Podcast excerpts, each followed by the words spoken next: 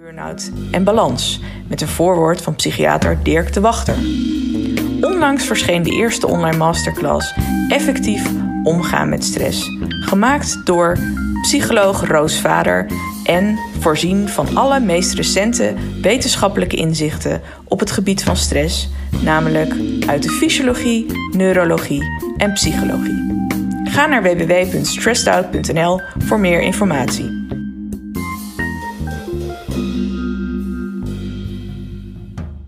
Hallo, hier zijn we weer met de podcast van Stressed Out. En we hebben Roos Vader te gast, psycholoog. En zij is maker van de online masterclass Effectief omgaan met stress. Welkom Roos. Yes. Dit is de derde podcast hè, bij Stressed Ja, Out. alweer, ja. En deze keer gaan we het hebben over of je stress nu wel of niet kunt vermijden. Kun je stress helemaal vermijden? Nee, nee. Dat je een heel leven zonder stress zou hebben, dat is eigenlijk een illusie. En eh, ja, dat behandelen we ook uitgebreid in de online masterclass. Stress heeft namelijk een hele nuttige functie in je lichaam. Eh, bijvoorbeeld dat we door stress hormonen als adrenaline aanmaken en hierdoor kun je beter en sneller reageren op gevaren.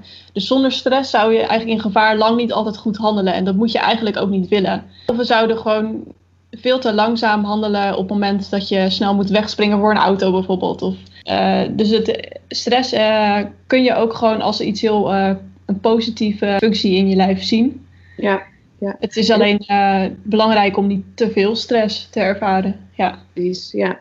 En het is zelfs zo, eh, wat ik ook weet, eh, is dat cortisol zelfs het hormoon is dat je 's ochtends wakker maakt. ja, cortisol komt inderdaad in de ochtend juist op gang. En zeker, je merkt bijvoorbeeld al als je een kopje koffie neemt, dan komt het nog weer wat extra cortisol vrij. Dat maakt je gewoon eh, wakker en gefocust op dat moment. Ja. Ja, eh, de online masterclass effectief omgaan met stress. Voor wie is die eigenlijk? ja, in principe voor iedereen die last heeft van stress of beter wil leren omgaan met stress, stress wil leren voorkomen. Of als je last hebt van een burn-out, kan natuurlijk ook, of burn-out klachten. Eh, dus ja, iedereen die gewoon zelf aan de slag wil gaan met zijn eigen stresslevel, daar is het geschikt voor. Het is natuurlijk niet een vervanging voor een, eh, een behandeling bij een, bijvoorbeeld een, eh, een arts of een therapeut. Ehm, maar het kan je wel helpen om gewoon zelf al aan de slag te gaan met, eh Ja, met omgaan met stress. Ja. maar je, je zegt het is dus ook voor mensen met een burn-out. ja, dat kan zeker, ja. ja. Nou raad ik dan natuurlijk ook altijd aan om wel ergens in behandeling te gaan. Of gesprekken te voeren met bijvoorbeeld een psycholoog.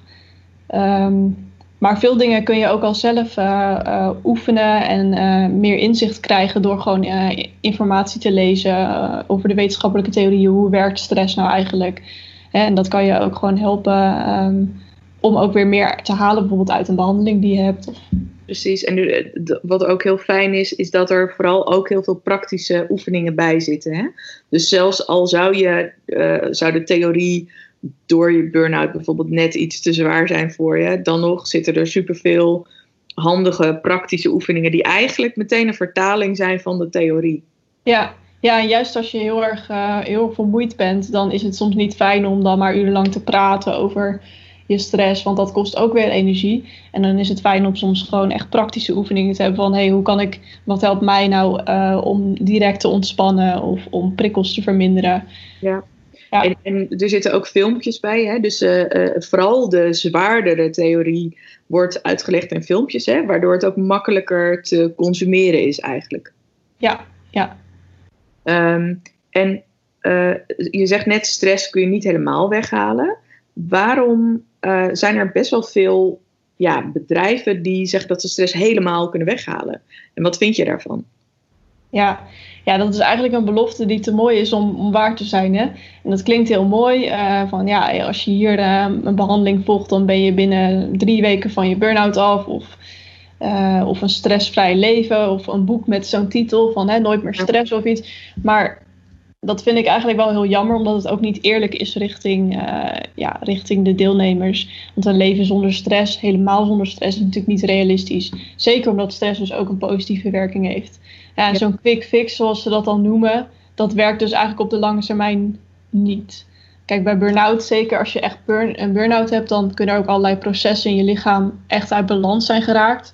En dat herstellen, dat kost gewoon tijd en los je niet op met een paar weken, uh, paar weken rust of zo. En waarom is onze behoefte aan zo'n quick fix en, en dat soort loze beloften eigenlijk zo groot? Ja, dat willen we natuurlijk het liefst. Hè? Zeker ook onze werkgevers. Je wil natuurlijk gewoon zo snel mogelijk weer aan het werk als je echt overspannen bent of last hebt van een burn-out. Ja, we willen natuurlijk wel geloven dat je gewoon nooit meer uh, last hebt van stress, dus probleem opgelost. Ja, precies. Ja, terwijl het eigenlijk gaat om een, een, een, duurzame, een duurzame oplossing. Ja, ja, wat je eigenlijk wilt leren is, uh, ja, een leven zonder stress is misschien niet realistisch, maar hoe kun je wel nog zoveel mogelijk stress voorkomen en hoe kun je nog zo prettig mogelijk omgaan met de stress die er is eigenlijk. Dat je daar zo min mogelijk last van hebt of zoveel mogelijk veerkracht ontwikkelt en een balans om nog wel uh, heel goed bestand te zijn tegen de stress die er nog is. Ja, precies. En, en, en wat is belangrijk als je duurzaam aan stress wil werken dan? Ja, als eerste uh, wel kennis over hoe stress werkt in je lichaam en brein. Omdat je daarmee gewoon veel beter begrijpt welke dingen je kunt inzetten om hier beter mee om te gaan. Maar als tweede ook wel zelfkennis. En dat is ook wel het, tweede waarop we ook uh, inspelen in de online masterclass. Uh, dat je echt bij jezelf gaat analyseren wat helpt voor mij en waarom, of, uh, waarom reageer ik op een bepaalde manier op stress en hoe zou ik misschien ook kunnen reageren. Ja, precies. Helpt als ik overprikkeld ben. Dus uh, ja, voor, wat ik al eerder heb gezegd, uh, het is ook persoonlijk voor mensen wat jouw prioriteiten en grenzen zijn. en als je daar geen zelfkennis over hebt, ja, dan kan je op den duur natuurlijk gewoon over je grenzen heen gaan en ook uitgeput raken. Ja, precies. Dus, dus zowel de wetenschappelijke theorie is daarin belangrijk, maar in de online masterclass wordt ook ingegaan op hoe, je, hoe jij werkt, hoe het voor jou werkt. Ja, ja. Ja, precies. Ik ben heel erg benieuwd hoe jij zelf uh, stress uh, vermijdt, of nou ja, vermijdt, ermee omgaat op een duurzame manier. Hoe, ik ben heel erg benieuwd hoe dat voor jou zelf zit. Ik wil ook wel delen hoe dat voor mij zit. Um, uh, hoe, hoe, gaat dat met jou? Wat, wat, wat doe jij? Ja, dat is wel een leuke vraag. Um, ja, ik ga iedere keer weer eigenlijk op zoek naar die balans in wat mij energie geeft en energie kost. En dat is wel een van de grootste eye-openers geweest voor mij. Mhm. Ehm, dat bijvoorbeeld dingen die ik heel leuk vind, mij ook nog energie kunnen kosten.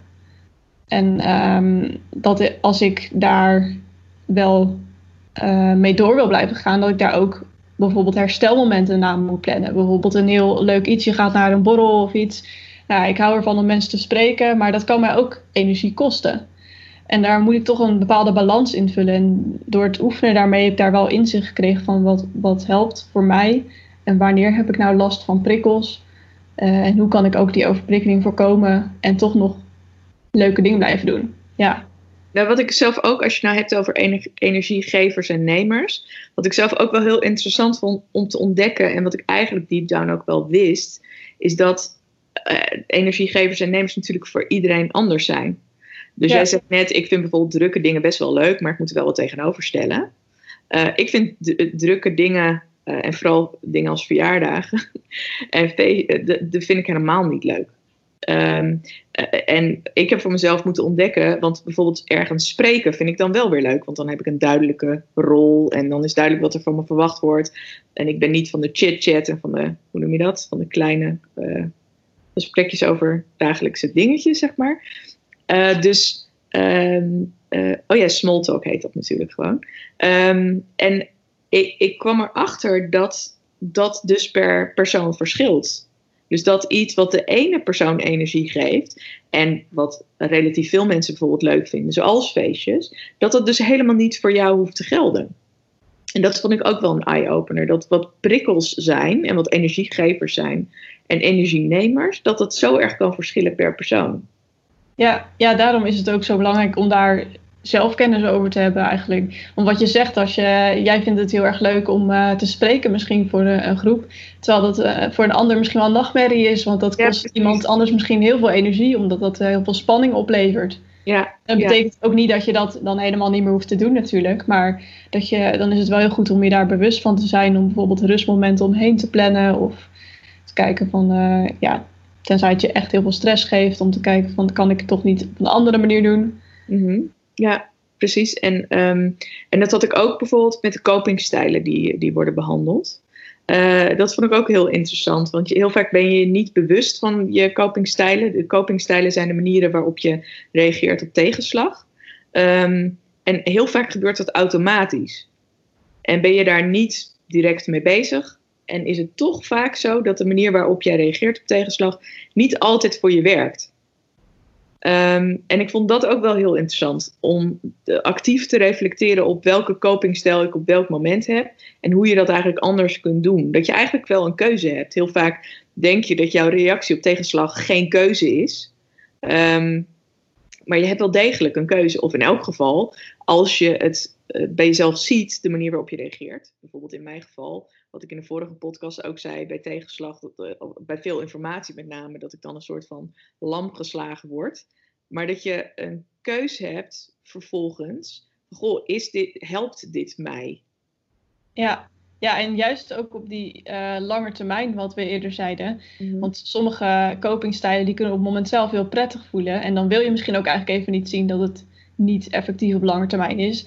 Bijvoorbeeld, je bent heel boos, dan wil je liefst gewoon uh, met de deur slaan of uh, weet ik veel, een, een, wijntje drinken of iets. Iets wat gewoon op dat moment even je stress verlicht. Maar dat je merkt van ja, op lange termijn kreeg ik eigenlijk nog meer stress door. Of de stress ging eigenlijk niet echt weg. Ja. En dat je dan leert van ja, welke copingstijlen helpen mij nou echt om op een duurzame manier stress te verlagen. Ja. Was, ja. was energiegevers en nemers jouw favoriete oefening? Um, ja, wel een van de. Hoewel ik ook heel veel bijvoorbeeld heb gehad aan bepaalde ontspanningsoefeningen en ademhalingsoefeningen. Zeker in het begin van de burn-out. Mm -hmm. Om daarmee al echt direct stress mee te verlagen. Dus het verschilt ook weer per uh, periode, denk ik, welke oefening ik meer inzet dan in een andere periode. Ja, ja precies. Ja. Hey, um, we zijn alweer aan het einde gekomen van deze podcast. Uh, het was heel leuk om, uh, om het hier weer met je over te hebben. Ik wil je ontzettend bedanken voor vandaag en voor alle informatie. De luisteraars wil ik een hele fijne dag wensen. En ik hoop jullie volgende week weer terug te zien, horen. horen jullie mij, nou ja, ons, bij, bij Stressed Out de podcast. En nog een hele fijne dag allemaal. Doeg! Voor artikelen over onderwerpen zoals dit ga je naar www.stressedout.nl. Daar vind je ook het boek Niets, mijn zoektocht naar innerlijke rust in tijden van alles en het kinderboek Victor en het vuur, stress, burn-out en balans in kindertaal. En natuurlijk vind je er de online masterclass Effectief omgaan met stress.